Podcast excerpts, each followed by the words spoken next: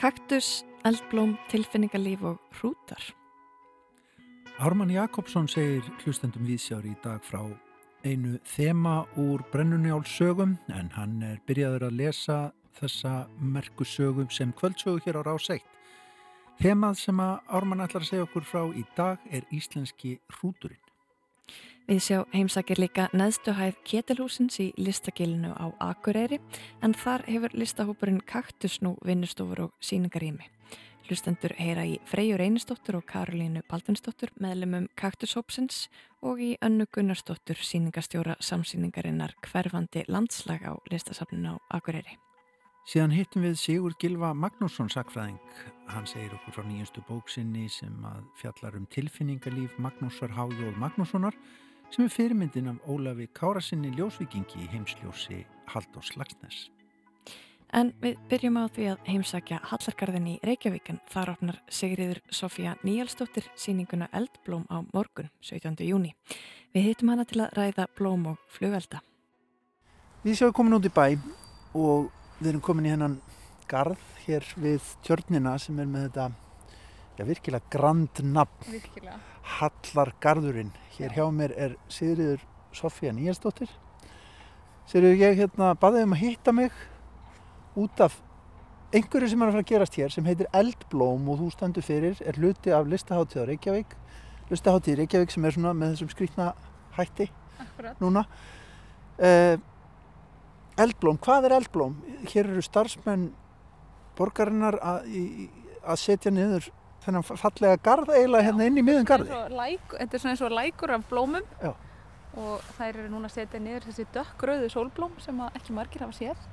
Hefur þú séð dökkröð sólblóm? Ég bara aldrei, nei, Ég vissi ekki að það væri til í svona mörgum litbriðum. Alveg eins og háls, hálsmyndis hátt eða svo, það heyrðu, þau eru orðin sko hærra. Já, E, þau eru orðin bara í kringum 1,80 sum þeirra. já, ok. E, já, þetta er sem sagt, um, þetta er, heitir Eldblóm, dansverk fyrir e, flugelda og flóru. Og þetta er sem sagt í raun og verið tveimur hlutum. Það er annars vegar þetta, þessi blómainsetning hérna í Hallagarðinum og svo í ágúst er það flugeldasýning menninganætur. Og tengingin á milli þessara hérna, þátta er að ég hérna, hef verið að hanna flugeldasýningar sem dansverk í mitt og þá er, það, er ég að semja dans fyrir ljósið á himninum þá er semst ljósið bara eins og dansarinn og heiminin er sviðið.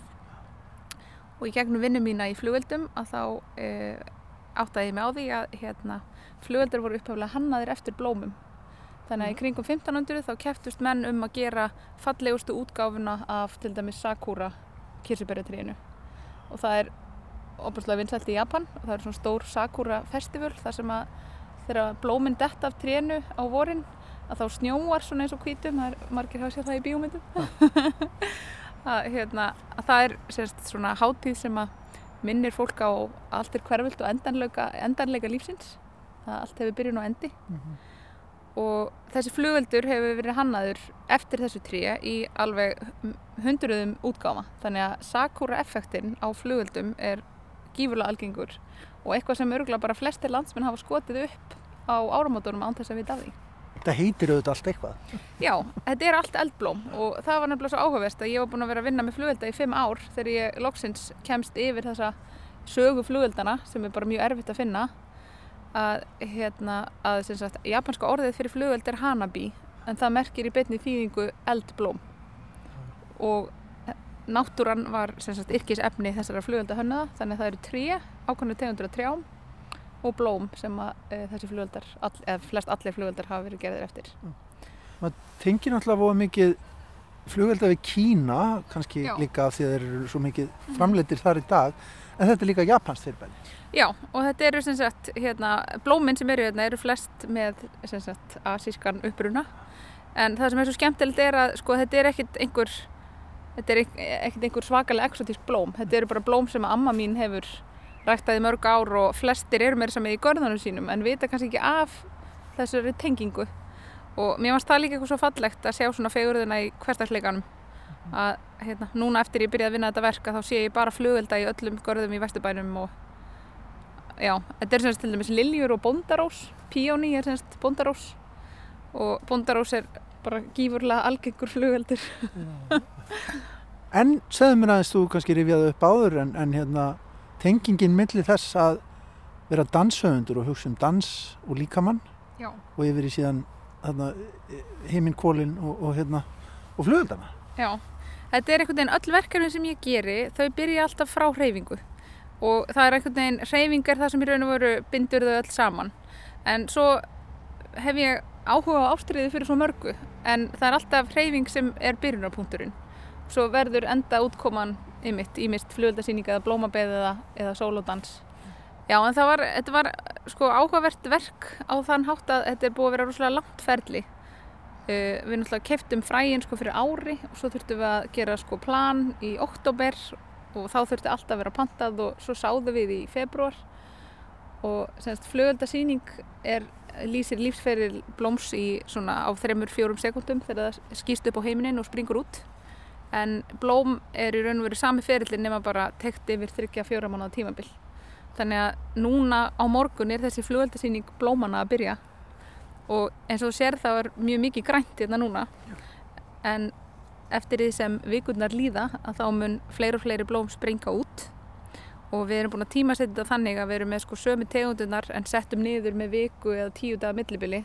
Þannig að í hverri viku er nýtt blóm þannig að blómgurinn helst alveg stöðu Næ, En maður er að halda því það, svo, svo nákvæm. Já, það Er náttúran svona? Sko þegar maður er með svona snillinga með sér í liði sko, hún Susanna sem er verkefnastjóri hérna e, síningarinnar Já. sem er garðikjufræðingur Hleypur hér um með bakka af blómum og, og skipa fyrir. ótrúlega, ótrúlega öflug og flott kona að hún er semst landslagsarkitekt hjá Reykjavíkuborg og hún er búin að liggja yfir bókum af því að það er semst hægt að sirka út með mikilinn ákvæmni ef að þú vandar vel til verks og hún tímasetti og það var bara algjörlega nánast sama dag og hún sagði að blómin myndi springa út þá sprunguð út. Þannig að þannig að þetta voru mjög spennandi því að við erum náttúrulega á Íslandi og það spilar svolítið inn í að eins og til dæmis við erum með margar tegundur af daljum og þær eru kannski ekki kjör aðstæður þeir eru ekki 8 gráðu hiti, rigning og súlt eins og við búum að vera um helgina Ekki frekar en eins og nákvæmlega. Þannig að við settum nýri beði sko um helgina og ég held að við séum öll búin að koma hérna þrísvara dag að vakta þessi blóma aðtöða hvort sé í lægi með þau og hvort, hvernig þeim líði og hvort þau séu að þóla fæsluna úr gróðurhúsinu nýri beð og hvort einhver hafi komið að skemma þetta. Og það er líka svolítið skemmtilegt að því að ég er sem sagt eignaðist barn í vetur.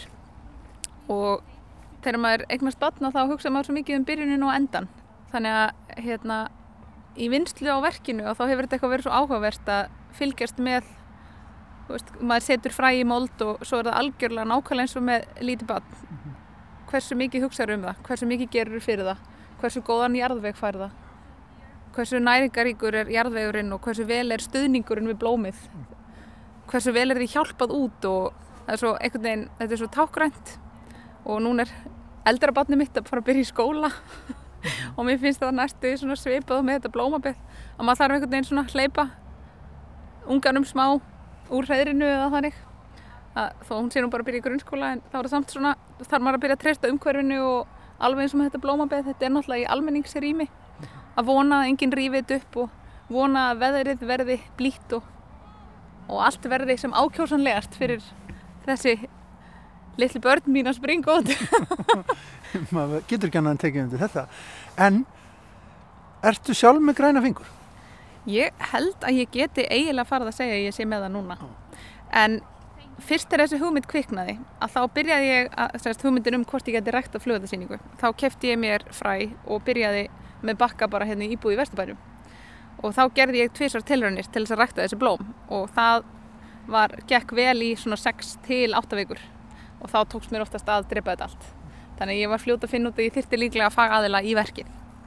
En núna hef ég læst svo mikið, ég er náttúrulega ekki búin að gera neitt annað en að hugsa um blóm og skoða blóm og fylgjast með blómum og í heilt ár, þannig að hérna, já, ég er, myndi segja ég væri núna að koma með græna fingur. Það elska flesti blóm en það elska kannski ekki allir flugelda. Hvað er það sem að heilla þig við flugelda? Sko ég myndi segja að það, það er eitthvað við sko kraftin og eitthvað við, mér finnst þetta svona töfrandi element. Mér finnst allt sem er svona íkt og svona ævintýralegt heillar mig.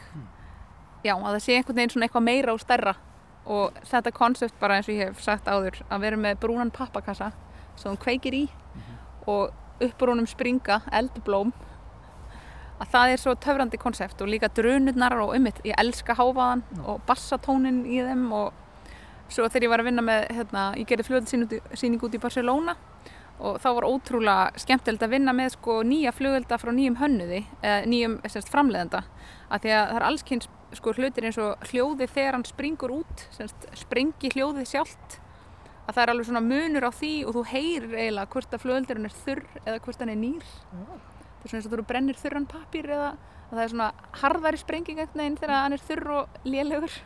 En, hérna, en þarna var sko það var næstuði bara það var næstuði djúsi hljóðið. Þegar það er sprungu út. Ah. og þá er það aftur líka bara lýsing veist, allt aðri litir, miklu dýbri tónar.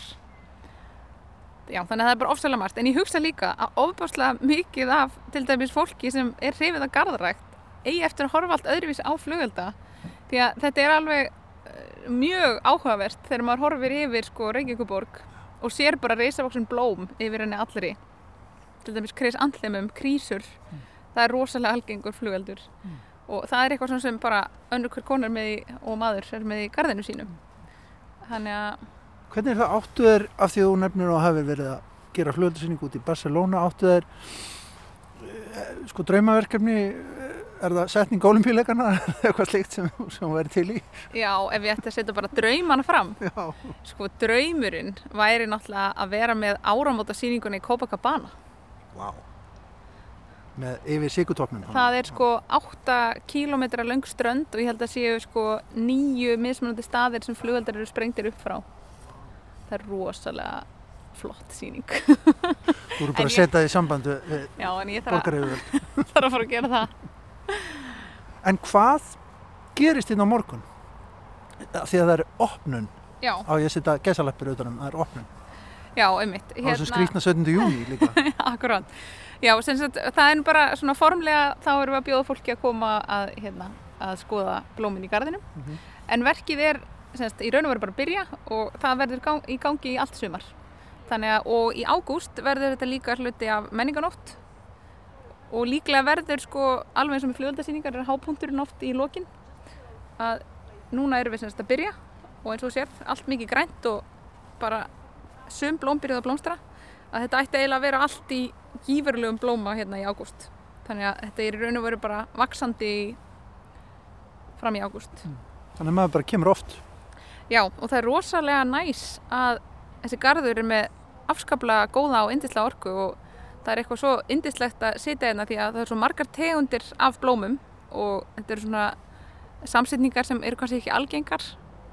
Að sjá öll þessi stóru sólblóm með eins og poppi, píóni, bóndarósar poppi og svo eru, dalíunar, það er svona mismunandi afbríða dalíum, það er annars vegar svona pom-pom, það er svona, er svona eins og kúla eða dúskur, svona alveg hnöttótt. Svo eru við með kaktusdalíu hún er svona með mjórri blöðum og svona hérna, svo eru við með það sem við kalla svona dekorativ það er svona meira klassískari mjög falleg opnun á blómi og svo erum við líka með mismunandi stærðir. Eins og sér þessir rauðu hérna litlu þau eru með svona tvöfaldri sprengingu og eru lítill og svo erum við með hérna stórar eins og þessi fjólubláa. Og það er svolítið skemmtilegt að þetta er alveg að rýma við fljóðdarsýninguna ástæðan fyrir að þessi blóm voru valinn er að því að ég er með sem sagt double petalt eh, dahlia with pistil. Það er sem sagt nafn á flugveld. Mm. þryggjatómu það fyrir að hún er lítill þrjá tómur í breytt og fer bara 50 metru upp. Mm. þannig að þetta er að representa sagt, litla, þann litla flugöld og svo erum við með sagt, purple dahlia og það er sagt, stærri skil, 6 tómu. Þannig að hún fer hæst upp alveg upp í 100 metra hæð og þess vegna er þessi fjólblóð þannig að þetta er raunverulega allir flugöldarnir sem eru í síningunni sem við erum búin að panta inn, það er 850 stykki af flugöldum, mismunandi tegundum og svo eru 850 tegundir eða stykki af blómum hérna. Þannig að þetta er alveg sama e, forskriftin Hillandi Ég segi bara til hafmyggjum með síninguna og, og það verður, já, ég horfi með alveg nýjum augum held ég á, á hérna, menningarnætur flugöldarsýninguna núna þessa, þetta árið. Takk kærlega fyrir spjallið. Takk sem leiðis Saði Sigriður Sofía Níelsdóttir um síninguna sína Eldblóm sem er í Hallargarðinum en tegir sér líka yfir á Dasgrá menningar nætur. En Ármann Jakobsson hann er byrjaður að lesa Brennunjálssögu fyrir hlustendur útvarsins á kvöldin. Eirikur Guðmusson hitt hann og fekk hann til að segja frá nokkrum þemum. Þema dagsins er Íslenski hrúturinn.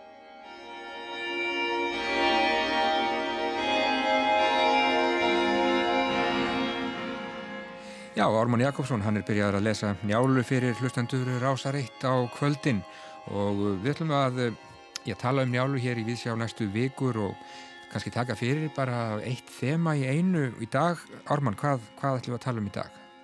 Ég kannski upphafið sögunar sem er mjög sérstakt og, og, og til dæmis það að það koma börn í sögu. Þessi börn eru fágætt í textum frá miðaldum en við fáum ímsar barnasögur í þessum fyrsta hluta njálu. Og svo hefur auðvitað fyrsti upphafin njálu vakið svolítið aðtekli fyrir það að þar er engin njál og engin gunnar á hlýðarenda og, og í staðin fjallar þetta allt saman um Rút Herjálsson sem er stórmerkileg og margliða persona og sagan eins og, eins og kemur fram í lestrinum hefst á því að Rútur er kynntu fyrir Hallgerði bróðdóttur sinni og kemur með þessa rakspá um að margir munu gjalda þess hver fögur hún er og Rútu talar þar eins og spekingur sem hann er einna fjölmörgum spekingum í þessari sögum. Við sjáum Hallgerði þarna sem barn en sem barn er hún fyrst og fremst einhvers konar forbóði um það sem mun gerast. Það er að sjá eftir barninu kemur fullondakonan og það er hún sem er ástæði til að hættast óttast. En auðvitað kemur fram þarna börn geta verið stórhættuleg þau geta börn geta breyst í stórhættulegar fagrar konur. Og auðvitað er þetta ekki beilinlis kurtist af hrúti að koma þessa spá. Svo fer hann sjálfur utan og hittir þar fyrir aðra konu sem er líka hættuleg kona sem er Gunnhildur.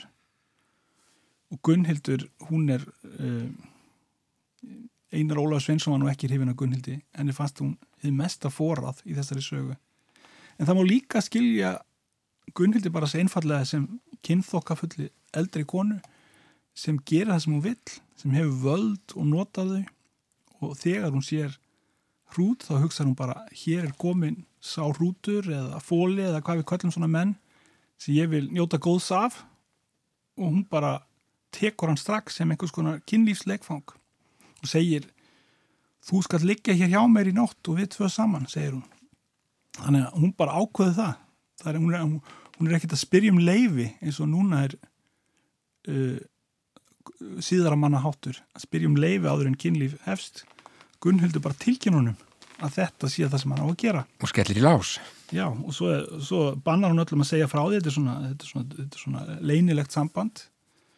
En ekki leinilega en svo allir vitum það og Úlfur óþvegin hirmaður, hann lætur rútfáða óþvegið þegar þeir eru að berjast og, og svona fyrir að dilgja um sambandið sem finnum ekki betur en svo hann er vegin uh, og svo unir rútur sér vel þarna. Hann, hann er bara nýti sér það að Gunnhildur hefur þessa ástáðunum en segir hann aldrei frá unni að hann sé trúlofaður heim á Íslandi. Og þá leggur Gunnhildur á hann þessi hræðilegu álög sem er nú kannski svolítið írónísk álög. Það veit engin nákvæmlega í hverju kynlífs vandamál hrúts fólst og menn hafa svo sem deilt um þetta. En svo verðist sem vera sem það sé uh, getnaði limurinn sem uh, þykir nú gott að hafa stóran. Að minnskust er markam á tölvupósendingar til kallmanna sem reglulega fá tölvupósendingar um að hvort sé ekki vilji ekki láta stækka þetta tiltekna lífari að hann verður ofstór hann kemst ekki inn og þetta gerist bara þegar hann uh, vil uh, barna unni. Þannig að þetta eðilegu hjónabandið að hrútur er of mikill kallmaður fyrir unni, þetta er svona einhvers konar tákgræn álög. Mm -hmm. og mjög írónísk. Hún er einu önveru tekur stolt kallmannsins og í staðin fyrir að minga þá stækkar hann það en gerir það þar með ónátæft þannig að þetta er ekta kvennahúmor finnst mér.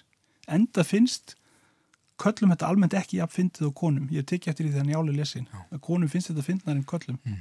Þú segir að hrútur sé marg hliða, Hvern, hvernig þá?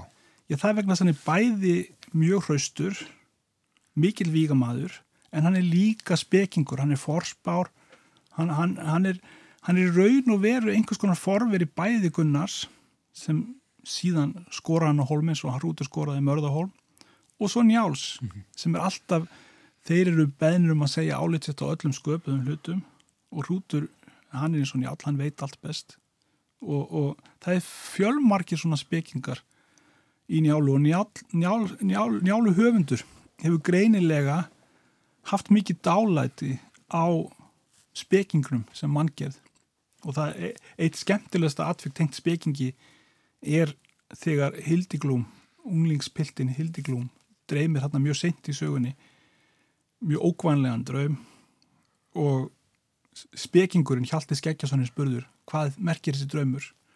Og hann segir þetta er gandrið en það skýrir ekki neitt. Hann bara, hann bara nefnir eitthvað tiltekið nafn, þetta er það sem það er. Þetta er bara svona eins og lækni segja mann einhver sjúkdómsheiti á latínu og, og maður veit ekkert hvað þetta merkir og þetta er einhvern veginn skýring.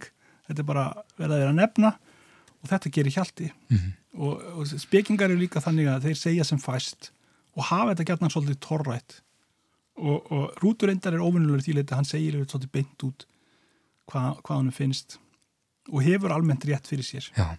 en svo kemur þetta hinbötnin í söguna í lokin þegar um, unnur hefur auðmygt hrút ofnberlega ég meina þetta kynlísvandamál hans verður umræði efni um allt land og alþingið, það verður sérst allt þingið er að hlæja þessu viðkvæma vandamáli rúts og svo telur hann sig hafa unnið. Hann hefur skorað mörða á holm og náða honum peningunum og endur heimt kallmennskuna heldur hann nema á heimleðinni þá rekast þeir hörskuldur og rútur á þessa litlu drengi sem er að leika þennan leik. Alþingisleikin getur við kallaðan þeir sýta þarna bara á gólfinu og er að leika annars í rútur og hins í mörður og ræða kynlýs vandamál hrúts Já, og þessi drengir hafa auðvitað ekki verið á alþingi. Þeir hafa bara verið hann í stofunni og allir fara að hlæja. Já. og þetta er sjálfsagt svolítið vandrarlegur hlátur vegna þess að þetta merkir auðvitað að heima fólki þarna sem þykist hafa mikla samur húti hefur að ræða þetta vandamál fyrir framann drengina. Þessi drengirnir hafa þetta ekki að sjálfum sér. Þannig að, þannig að hrútur uppgötur hérna, hann horfið skindil í augu við það að þetta er ekki búið, hann mörgur að lifa með þessu alla tíð.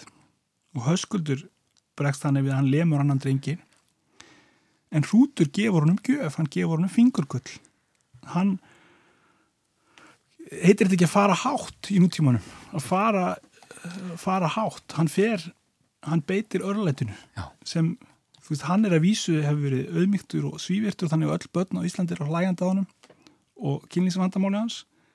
En hann getur gert eitt og það er að sína stórmennsku og það gera Já.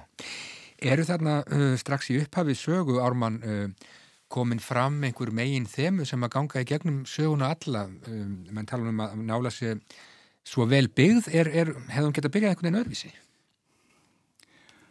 Hún hefði það augljóslega en í því fælst kannski snildin að finna þessa frum, þetta frumlega upphaf mm -hmm. strax í fyrsta kabla er talað um þjófsaugun og síðan verða þjófsögun aftur þema þegar kemur á stöldurum í kirkjubæ og því atviki líku með kinnhesti og svo kemur sá kinnhestur aftur í sögu laungu síðar. Þannig er hoppað yfir langt yfir söguna með þessum þjófsögum. Mm -hmm. en svo annað sem er áhugavert er að fyrsti maðurinn í nefndur í sögunni er mörður. Ekki sá mörður sem er líkil person í sögunni heldur afan sem heitir líka mörður.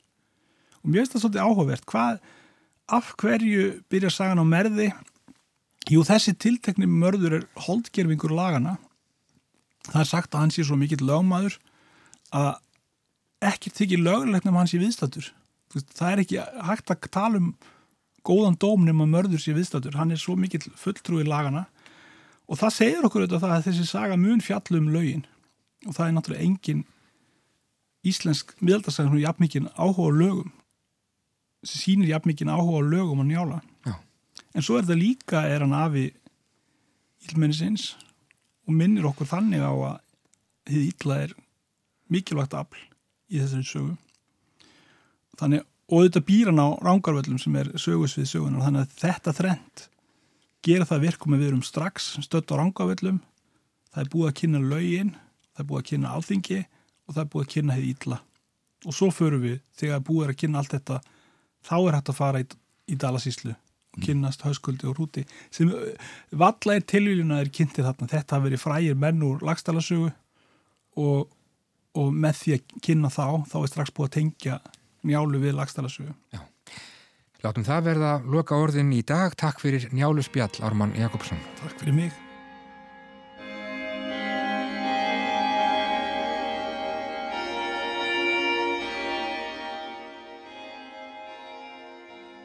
Úr brennunálsögu förum við yfir í myndlistina, fáum myndlistarmóla Norðan. Gíja Holmgerstóttir fór og heimsótti listasafnið á Akureyri til að ræða við önnu Gunnarsdóttur síningastjóra samsýningarinnar hverfandi landslag sem þar var opnuð nýlega á safninu en hún heimsótti líka listahópin Kaktus sem er á jarðhæðinni í Ketilhúsinu þannig í listagilinu fyrir norðan. Við byrjum hins vegar á önnu Gunnarsdóttur síningastjóra. Já, þetta er síning þar sem að 22 listakonur er að sína verk sem öll eiga það sameigilegt að vera unnin úr ull og eru að fjalla um lofslagsbreytingarnar, vernda móðurjörð og þær eru að vinna með það. Og þetta er svona, já, hópur sem hefur unnið saman áður. Þetta er svona alþjóðlegt samstarf sem að, já, áseg svolítið svona ykkur að sögu. Já, þetta byrjaði 2017 í Finnlandi þegar mér var búið að sína með þeim í tengslu við 100 ára sjálfstæði Finnlands og síðan fannst mér að við þurftum að gera eitthvað meira og þá hérna kom þessi hugmynd að vera hér á Akureyri og hafa bara finskar og íslenskar listakonur með. En í Finnlandi þá voru það öll Norðurlöndin. Er eitthvað svona sem að einkennir verkin á þessu síningu fyrir svona utanuð þetta að þau eru öll unnin úr ull og, og það er þessi svona landslags samhljómur? Já, þú getur séð alls konar tækni, þetta er ekki bara ull, þetta er alls konar tækni sem þú getur séð á verkonum og þau, þau eru mjög sterk. Mm -hmm. Til dæmis eins og hvaða mismunandi tækni er hægt að sjá? Sko, þú ullin, þú getur unnið þrývitaverk úr ull, þú getur þæft ullina, Marga finska konur nota ekki vatn við að þæfa, þær nota bara það línáljum sem er í öllinni. E, þú getur rúlað hana saman og getur klift hana, þú getur formað hana, þrygt á hana, brent hana, getur, það er ótæljandi möguleikar. Já, ég tek strax eftir, þú talar um ólíkar aðferðir og, og hér til dæmis á vegnum eru já, þetta er greinilega þæfð ut en hér er líka verið að sauma í og, og segð mér aðeins frá þessu verki og hver gerði það? Já, þetta er verk eftir Sigriði Ólastóttur. Þetta eru semst útlínur á jöklunum, vatnajökull og hvernig þeir minga og hún hérna semst kempir saman mismunandi litaöll síðan er þetta rullað í svona pulsu og skorið niður mm. og fest svo saman með lími, semst formað svona eins og mósækverk. Já, já, og svo hérna er útsaumur ofan á og hér eru það er krían og, og lundin og, og svo langvíjan hérna efst á mögulega vatnajökli. Já. já, og svo pínu lítil bífluga á tónafæsjökli sem er að hverfa. Mm. Það er auðvitað, við megum ekki glemja bíflugunum. Það eru mikilvægur. Svo er annað hérna, ég tek strax eftir og þetta verk svona blasir við manna þegar maður kemur inn. Eh, þetta er eftir finska listakonu. Já, þetta er eftir listakonu sem heitir Elina Sari og þetta er stór skuldur. Þetta eru kórall, kórallatir sem eru að hverfa og hún er að vinna með það að maður þarf að hugsa um kórallana og niðri í sjónum. Og þetta er allt saman handþæft úr finskri ull. Já, þetta er svona greinilega lífræn form hjá henni og, og, og já, ég hugsaði líka um hreindýrahorn, þetta eru nú frá Finnlandi og, og ég hugsaði eitthvað svoleiðis en þetta eru kórallanir. Já, það, það eru margi sem halda þetta sé hreindýrahorn en, en þetta eru sérst, sjávar kórallar sem hún er að vinna með en þetta er mjög hreindýrahornalegt. Og þú talar um að finskar konur uh, geri ákveðið og er svona mismunandi aðferðir í gangi í hverju landi fyrir sig? E, sko þegar þetta byrjaði þá voru, byrjaði allar að þæfa þá voru, það var lágið að maður syndi í vatni. En núna er farið að minga mikið hvað það er notað vatn við að þæfa. Þannig að hérna mér finnst það mikill munur. En samt held ég að hérna finnarnir eru svona aðeins lengra komnir heldur en við. Mm -hmm. Og það að minka vassnótkun, þetta tengist auðvitað umhverfið sjónamiðum líka? Nákvæmlega, það fannst mér mjög gott þegar ég sá hvaðar, já það er við erum að spara vatnið, það er nota vatnið aftur og aftur og aftur, já maður þarf að fara að hugsa um það líka. Takk fyrir þetta og til hafingi með síningun ykkar. Takk fyrir. Halló, góðan daginn! Já, velkomin. Takk fyrir. Er það er auðvitað kaktusinn hérna sem tekur á móti manni. Sami gamli kaktusinn. Já, elsku kallin. Elsku kallin. Hann er andlitsbrotin að fýt sko. Andlitslaus. Og andlitslaus núna, æj, æj. Hann er um blár. Hann hefur nú verið í ýmsum litum. Já, hann á eftir að fá sinn lit, gil, nýjan gillit sko. Mm. Þetta er síðasti kaktuslitur. Mm. Við erum svona fyrir okkur áttan að bleikum, strákarnir er ekki alveg saman okkur. Nei, við gerum hann bara bleikan. Já, ég hugsa það. Það pínir bara eins og maður kaktus. Þeir sem er ekki á stanum, þeir bara... Hafa ekki þess að segja. Nei.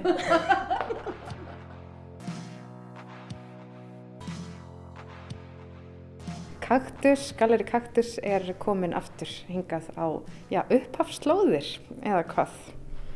Já, það má segja að við séum komin aftur heim í listagilið en hérna hófum við starfsemina árið 2015 með fyrsta kaktus. Við erum ennþá sami kaktusinn en við erum búin að flytja núna fjórum sinnum. Já, þetta er fjörði staðurinn sem við erum á í bænum. Mm -hmm. En þetta er samt emitt ennþá gamli kaktusinn og ekki bara galleri heldur bara listahópur. Við erum að gera alls konar saman, gjörninga og bjóða öðrum að vera með síningar. Þannig að þetta er alveg það er alls konar að gerast sko. síðan náttúrulega sérstaklega þetta rými vinnustofunar við höfum áherslega sérstök svæði innan þessa rýmis fyrir meðsmöndi starfsemi þannig að það er tónlistarherbyggi fyrir það sem er að pródúsera tónlist og vinna hljóðverk. Það er smíðaverstaði, málaraherbyggi skrifstofurými uh, síðan náttúrulega bara samænlega setustofa sem við getum all heist, við erum ekki alltaf að pyrra hvort annað við getum kannski frekar ákveðist að, að hittast og fengja okkur saman kaffi og fengi að vera í friði annars. Er, eru þessa vinnustofur svona, það er nýtt, það er semst að koma nýtt að, að þið geti veitt skapandanum rými? Nei, raunin ekki. Það hafa alltaf verið vinnustofur einhvers konar en það hafa verið kannski ekki svona afmarkaðar. Þú veist, við vorum með vinnustofur bara í opnurými neyri hérna það sem vorum síðast og það voru rosalega litlar og lokaðar þar sem vorum fyrst og þannig að þetta er svona Núna erum við einhvern veginn búin að um, skipta vinnustofunum frekar upp eftir hvað við erum að gera heldur en að hver eigi sína vinnustofu. Þannig að þú veist, ef að þeir sem eru mest að smíða langar rosa mikið að mála þá bara koma þær inn í málunarherbyggið og þú veist, þetta er bara eftir hvað við erum að gera. Mm -hmm. þú, það er greinilegt að þið hafa lagt miklu að vinna í þetta, en hvernig var svona tilfinningin þegar þetta allt var tilbúið? Hún var eiginlega ótrúlega góð en við vorum geðveikt þreytt og erum eiginlega bara svona að ná því, ná upp orkunni núna síðan um helgina. Við vorum búin að vaka fram á nættur að mála og smíða og bara, já. já. Erfitt að mynda setningar síðustlunni daga sko. Ég átti, já, já, kannski pínarist með það núna líka. En maður er bara þreytir en ánæður, þetta er svona, maður er stoltur og, og hérna gleði orkan drífum mann áfram en þetta var mikið vinna. Þeir eru komin aftur heim eiginlega svona innan gæslappa, hérna byrjaði þetta alls saman í listagerðinni Kaktusinn. Uh, hvernig er svona tilfinningin að vera komin tilbaka? Það var opnun síðustu helgi, hvernig var þetta?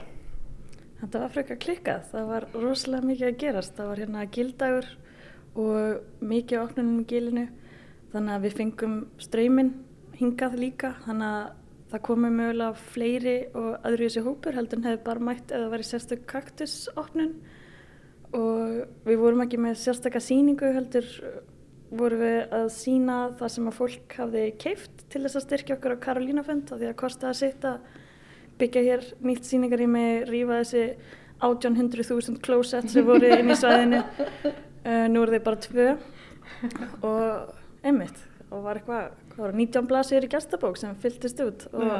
allir einhvern veginn að bjóða okkur velkomin aftur heim, svona gaf okkur knús og kossa og allir það ekki líka verið ykt af því að COVID er nú búið þannig að það voru allir bara í sleik og eitthvað svona þetta var bara ógislega góð stemming og gott viður og mikið af fólki og bara gaman mm -hmm. Já, það var rosalega mikið af fólki og það var alveg bara stöðu og ströymir frá því við opnaðum og fólk beigð við hurðina þegar við opnaðum inn klukka þrjú, það var mjög fyndið, aldrei lendið því að það Já. Já, þetta svona sýnir kannski bara að, að listakilið, þetta hefur svona samverkandi áhrif.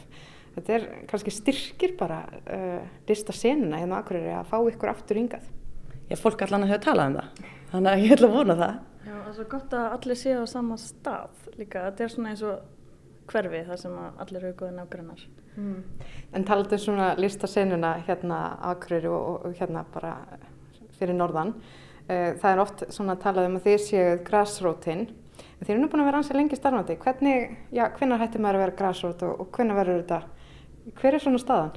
Ég held að maður hætti kannski aldrei að vera grass og vonandi ekki.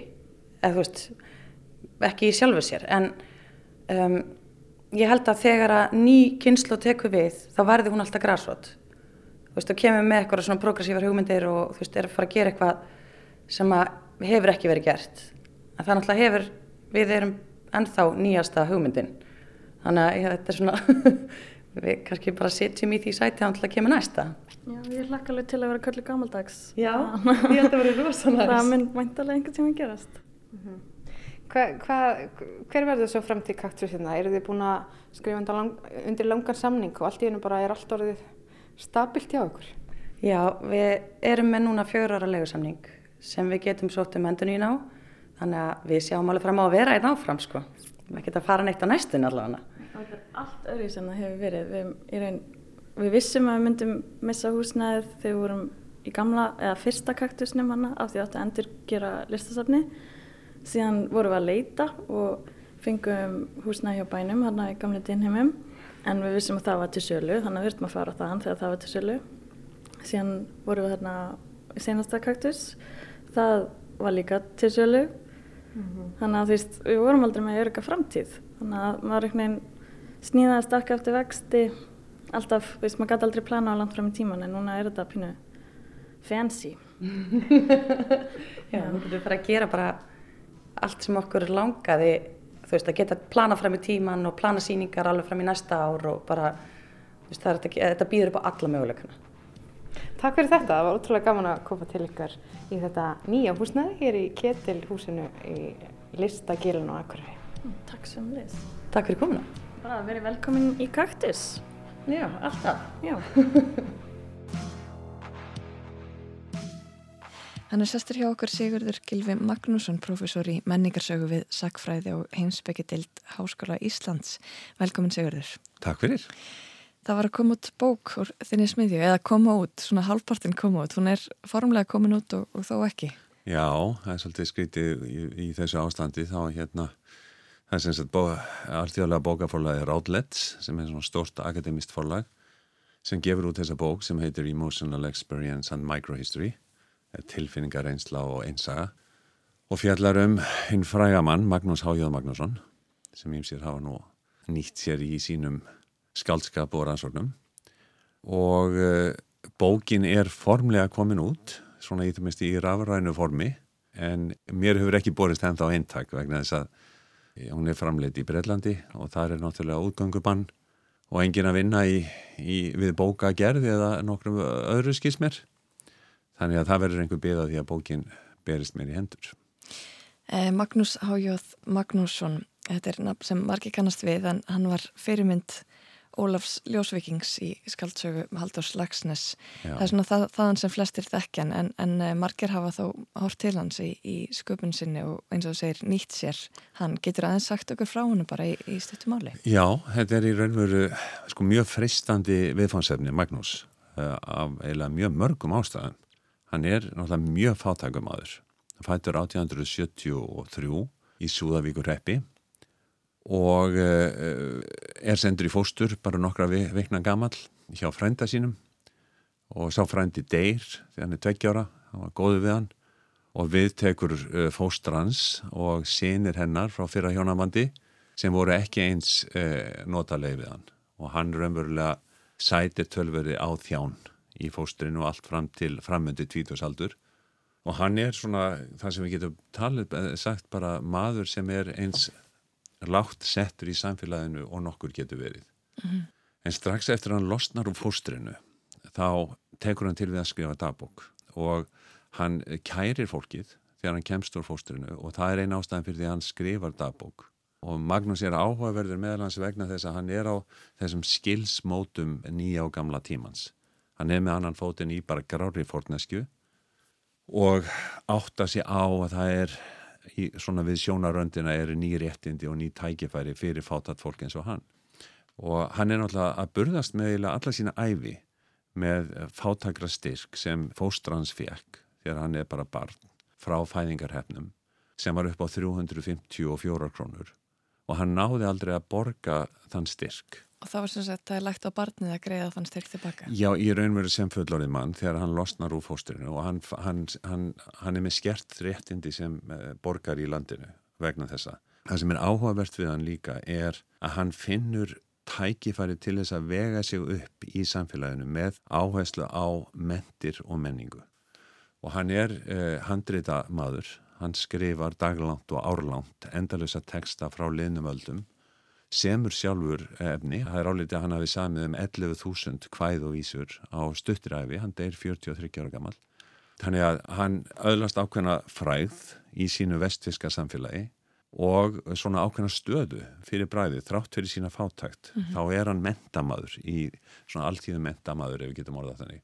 Og hann fyllir þennan hóp sem ég og vinni minn og samstagsmaður Davíð Ólásson hafa kallað berfættu sakfræðingana þetta fólk sem var stöðut að vinna efni frá liðni tíð upp í hendurnar á samferðamönnum sínum þeir voru raunverulega prentsmiða fólksins.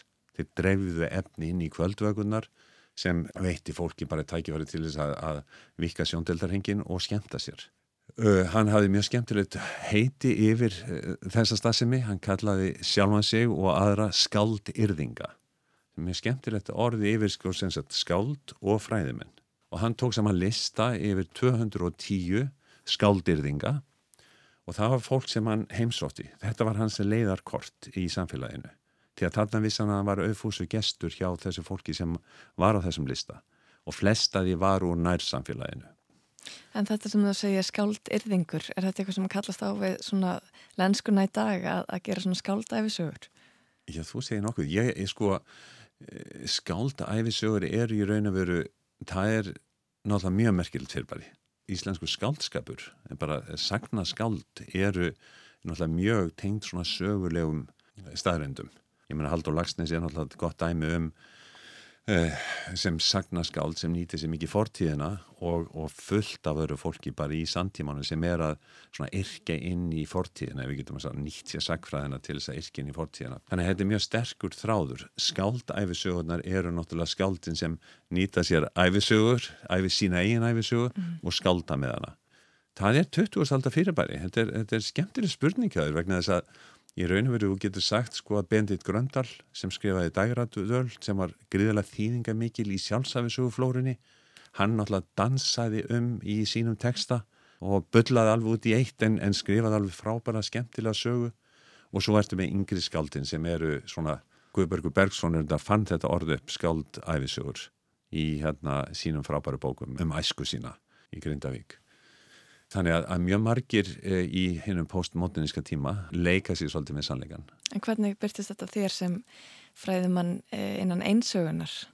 Kanski áður en svara því getur það útskrift fyrir þeim hlustundu sem ekki þekki þetta Já. hugtak, einsaga, Hva, hvað þetta er, sagt, e, þetta er aðferð, sagfræðilega aðferð sem var til á Ítalju á eða áttunda áratugnum sem ans var við því sem við kallum stórsugur Það er að segja, sakfræðinga voru alltaf að skýra út svona stóru þræði samtímas, hvort sem það var kristni eða kapitalismi eða sósialismi og það glemtist kannski þessi smáadriði sögunar mm. sem oft varpa svo skýru ljósi á raunverulega hvernig líf alltíðu fólks uh, vatt fram. En einsagan, hún þróast raunverulega, hún, hún var svona svolítið bundin við Ítalju og, og kannski svona menningarsög í Fraklandi og eitthvað í bandaríkjónum en hún fær virkilega sterkastögu þegar að postmodernismin eh, heldur innræðin sína í sagfræðina á tíund áratögnum þá og þó að eh, sko ítölsku einsögumennir hafi afneitað postmodernismunum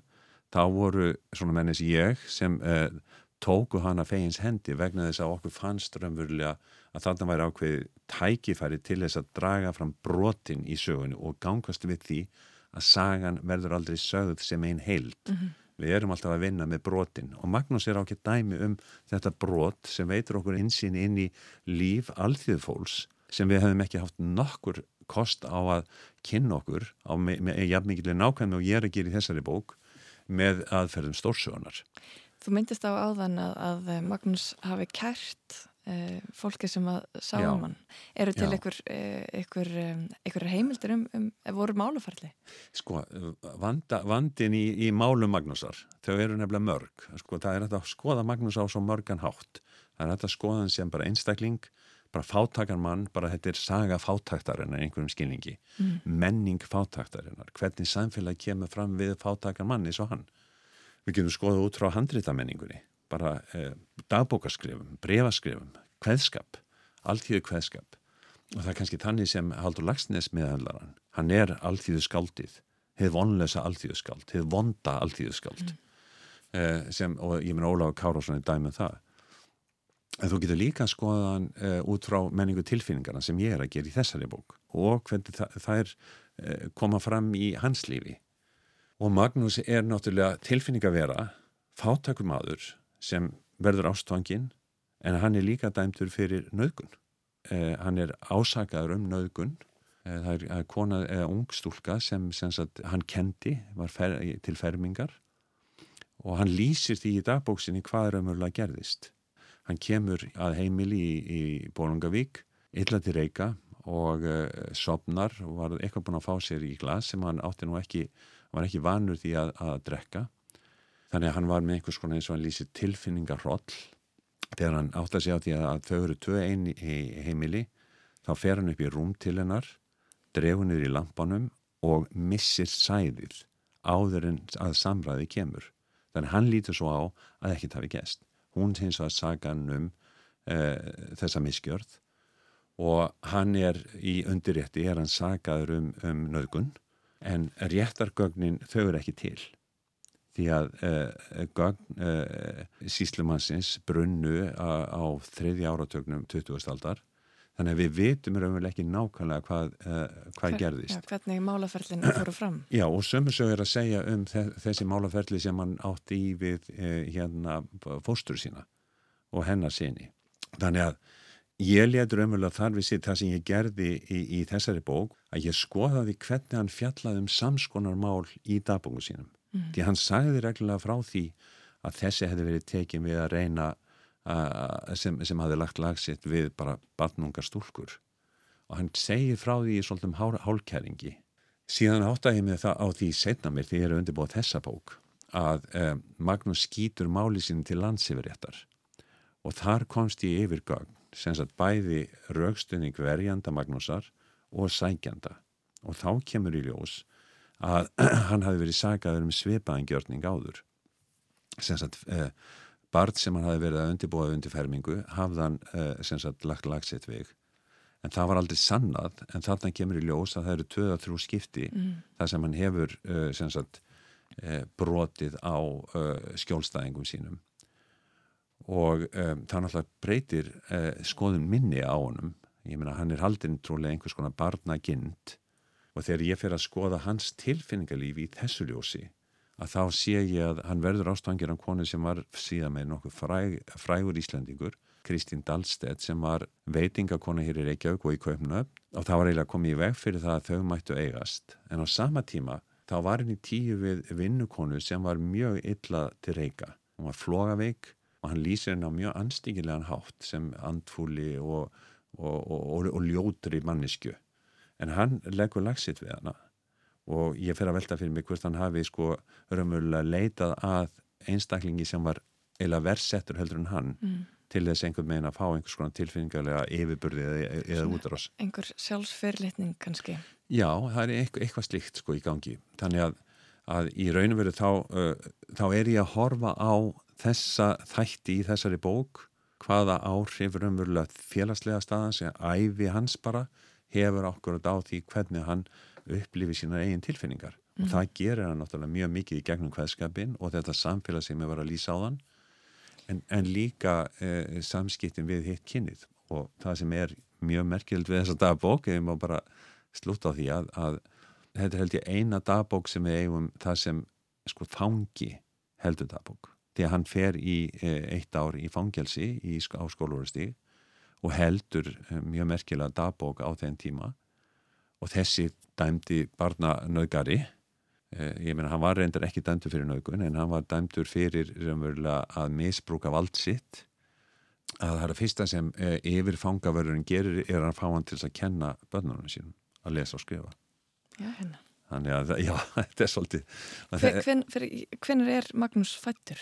Hann er fættur uh, 1873 og deyr 1916 hann sem hafi lagt svo miklu áherslu á að byggja sjálfa sig upp að vega sig upp úr þessari fátætt og þessari neyð sem hann var í að hann er náttúrulega, finnst hann vera hrækin og smáður að þurfa að fara til Reykjavíkur og, og sitja af sér þennan dóm. En samskipti hans bæði við fangavörðin, yfir fangavörðin og svo aftur aðra fanga er mjög, mjög merkileg. Og þar fjallar hann meðal hans um aðra sem hefðu gæst sekjur um svipið brott og gerði það tölverði léttuð það er ekki hægt að neyta því. Og hann alveg, það er svona þegar að líður á dagbókinu þá sérðu að hann vil að fólk lesi þessa dagbók. Mm. að, að fólk átti sig á í hvers konar stöðu hann hafi raunverulega verið. Ja. Eh, Tilfinningarins og einsaga Emotional Experience and Microhistory er sem sagt komin út allavega rafrænt hjá Routledge útgáfanni í Breitlandi Kæri þakki fyrir komuna í Viðsjá Sigurður Gilvi Magnússon. Takk fyrir mig Og við sjá í dag líkur á umræðu um tilfinningarlíf og sögun. Við verðum hér aftur á 5. daginn. Verðið sæl.